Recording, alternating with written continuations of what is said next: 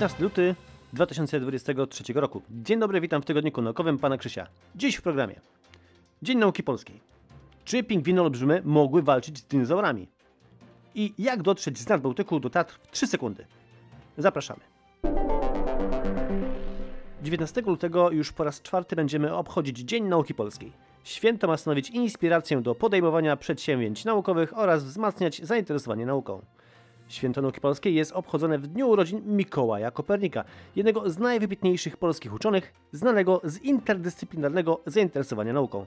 Jego dzieło o obrotach sfer niebieskich, które było wykładnią teorii heliocentrycznej, zrewolucjonizowało światową naukę.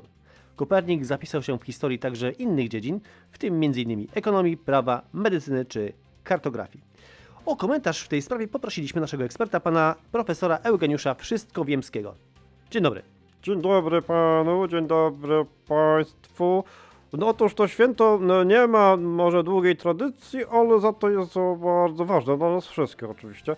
To nauka polska mm, miała niebagatelny wpływ na świat przecież. To przełomowe odkrycie takie jak, nie wiem, Polon i Rad, to, to holo- holio- holio- heliocentryczna teoria, e, międzynarodowy język Esperanto na przykład, że tam mówimy tak sobie o, i wszyscy wszystko rozumieją, to takie no właśnie nasze polskie, czy też choćby projektor kinowy z małą przenośną kamerą dokonany został właśnie przez, przez Polaków i na mm, zawsze zmieniły naszą codzienność. Jak to mówił Albert Einstein, taki geniusz był kiedyś, taki no, no taki no za granicę, ale to lubię go. Albert Einstein mm, powiedział niegdyś, e, najpiękniejszą rzeczą, jakie możemy doświadczyć, jest oczarowanie tajemnicą. E, Jest to uczucie, które stoi w kolebki prawdziwej sztuki i prawdziwej nauki. I to ten, kto nie zna i nie potrafi się dziwić, nie potrafi doznawać zachwytu, jest niczym zmuchnięta świeczka. O właśnie. No i 19 lutego mamy właśnie okazję świętować wyjątkową tajemnicę nauki w Dzień Nauki Polskiej.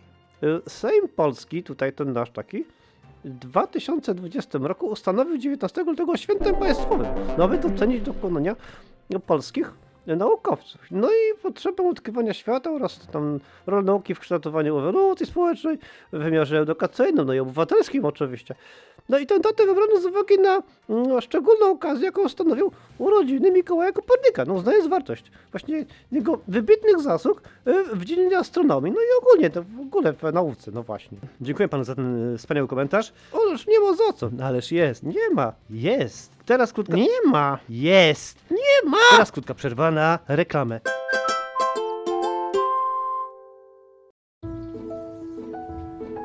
Przykład zawsze idzie z góry. I ten dobry, i ten zły, wybierając siedzący tryb życia, niezdrowe, pełne tłuszczu i soli jedzenie oraz przesłodzone napoje, narażasz się na otyłość, Ja pomogę. która jest przyczyną wielu chorób, w tym nowotworowych. Codzienny ruch i zdrowa dieta zmniejszają ryzyko zachorowania na niektóre typy nowotworów. Wejdź na planujedługieżycie.pl.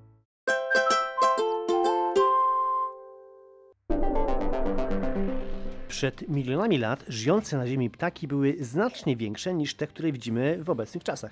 Niedawno natrafiono na rekordowe pod względem rozmiaru szczątki należące do dwóch pradawnych gatunków pingwina, właśnie pingwina. Jeden z nich, jak ustalili badacze, osiągał wagę ponad 150 kg, czyli ponad 3 razy więcej niż największe żyjące obecnie pingwiny.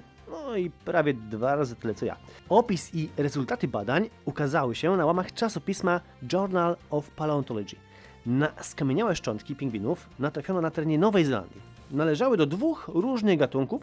Pierwszy nazwano Cuminamu forsdicei, a drugi Petradypes stonehousei. No to tak trudno, że język zdichnąłem. Blablabla. Szczególnie skamieniałości kunami fordycei były dość interesujące, a to właśnie ze względu na ich rozmiary. Przy pomocy laserów zeskanowano znalezione szczątki, co pozwoliło na stworzenie ich cyfrowych modeli. Szczególną uwagę zwrócono przy tym na kości płetw. Porównano je do rozmiarów obecnie żyjących ptaków. Skalkulowano w ten sposób, że pingwiny te musiały ważyć około 154 kg, czyli ponad trzykrotnie więcej niż jakiekolwiek żyjące obecnie. No, największe żyjące obecnie pingwiny ważą zazwyczaj około 22-45 kg. więc to spora różnica. No, do czego służyły natomiast y, im takie rozmiary, mm, jakie osiągały mm, Kumianu Fodycei? O odpowiedź na to pytanie poprosimy badaczkę ornitolożkę panią Katarzynę Ptaszynę. Dziękuję za zaproszenie do programu. A zwracając, wracając do pytania, otóż e, większym pingwinom no, zwyczajnie łatwiej było przeżyć. No, mogły pewnie nie tylko upolować większą zdobycz, ale także łatwiej im było utrzymać temperaturę ciała w chłodnych wodach. Aha, no dobrze, no ja myślałem, że mogły dzięki temu y, nie, walczyć na przykład z y, żyjącymi w tych czasach też dinozaurami, bo jak wiemy, one tam te pingwiny pojawiły się już u syłku y, no, władania naszą planetą przez dinozaury. No najnowsze odkrycia potwierdzają, że pingwiny żyły w czasach ostatnich dinozaurów, no ale raczej nie miały w zwyczaju y, wchodzić w drogę tym dinozaurom. Hmm, hmm. No szkoda, no i tak dziękujemy za odpowiedź. A teraz y, zapraszamy na kolejną część programu, w której dowiemy się, jak dotrzeć w 3 sekundy z Morza Bałtyckiego do Tatr. 587 tysięcy km na godzinę to obecna prędkość najszybszego obiektu zbudowanego ręką człowieka. Tak pędzi sonda Parker, która bada Słońce i przyspiesza co pewien czas dzięki jego grawitacyjnej asyście. Maksymalnie ma osiągnąć 700 tysięcy km na godzinę, co oznacza, że gdyby leciała nad Polską, to z Helu nad Tatry dotarłaby dokładnie w 3 sekundy. No, jednak jeśli chodzi o nasze podróże kosmiczne i o to, jak szybko chcemy się przemieszczać w przestrzeni kosmicznej, nawet sonda Parker ma dalece niezadowalające wyniki. Nawet sonda Parker ma daleko niezadowalające nawet sonda Parker ma dalece niezadawala... mm, niezadowalający wynik prędkości. Nawet sonda Parker ma dalece niezadowalający wynik prędkości. No, może więc zejdźmy na Ziemię i zobaczmy, jak szybko możemy się poruszać na powierzchni naszej planety. Mało kto wie, że najszybszym w historii pojazdem poruszającym się na lądzie nie był żaden japoński superpociąg e, kolei magnetycznej Maglev, ani super auto rakietowe, które próbowało pobić rekord prędkości na wyschniętym jeziorze Ponyville.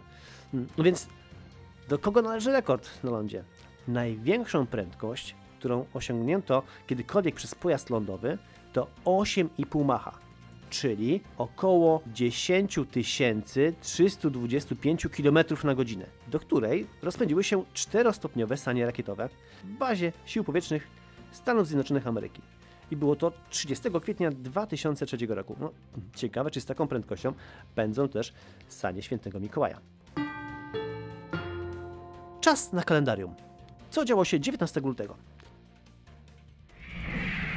1473 rok. Urodził się Mikołaj Kopernik, polski astronom, matematyk, ekonomista, lekarz, strateg wojskowy, tłumacz. Został również ogłoszony niedawno patronem roku 2023 w Polsce. Zatem rok 2023 to rok Mikołaja Kopernika. Rok 1600. Doszło do największego w historii Ameryki Południowej wybuchu peruwiańskiego wulkanu Hunaja Putina. Zanieczyszczenie atmosfery pyłami spowodowało ochłodzenie klimatu i serię ciężkich zim, pośrednio przyczyniając się m.in. do wielkiej klęski głodu w Rosji. Rok 1878. Thomas Alva Edison opatentował fonograf, jedno z pierwszych urządzeń służących do zapisu i odtwarzania dźwięku, no, poprzednik gramofonu. Rok 1903. Amerykański astronom Raymond Smith Dugan odkrył planetoidę 507 Loudika. Nazwa planetoidy pochodzi z mitologii greckiej i jest ona na cześć najurodziwszej z córek Priama i Hekabe, czyli Laodikę. Rok 2002. NASA ogłosiła odkrycie planety pozasłonecznej o nazwie OGLE TR56b. Odkrycia planety dokonał Maciej Konacki przy współpracy m.in. Międzynarodowego Zespołu Astronomów i Naukowców pod kierunkiem profesora Andrzeja Udalskiego z Obserwatorium Astronomicznego Uniwersytetu Warszawskiego. 2010 rok. Pierwiastek chemiczny o liczbie atomowej 112 otrzymał na cześć Mikołaja Kopernika nazwę Kopernikum. I to wszystko w dzisiejszym odcinku. Zapraszamy do kolejnego za tydzień. Miłego słuchania, do zobaczenia, cześć. I z tej strony chciałbym pozdrowić wszystkich naszych patronów, którzy przyczyniają się do powstawania tych odcinków. Dziękuję Wam bardzo i do usłyszenia w kolejnym tygodniku naukowym Pana Krzysia. Pa!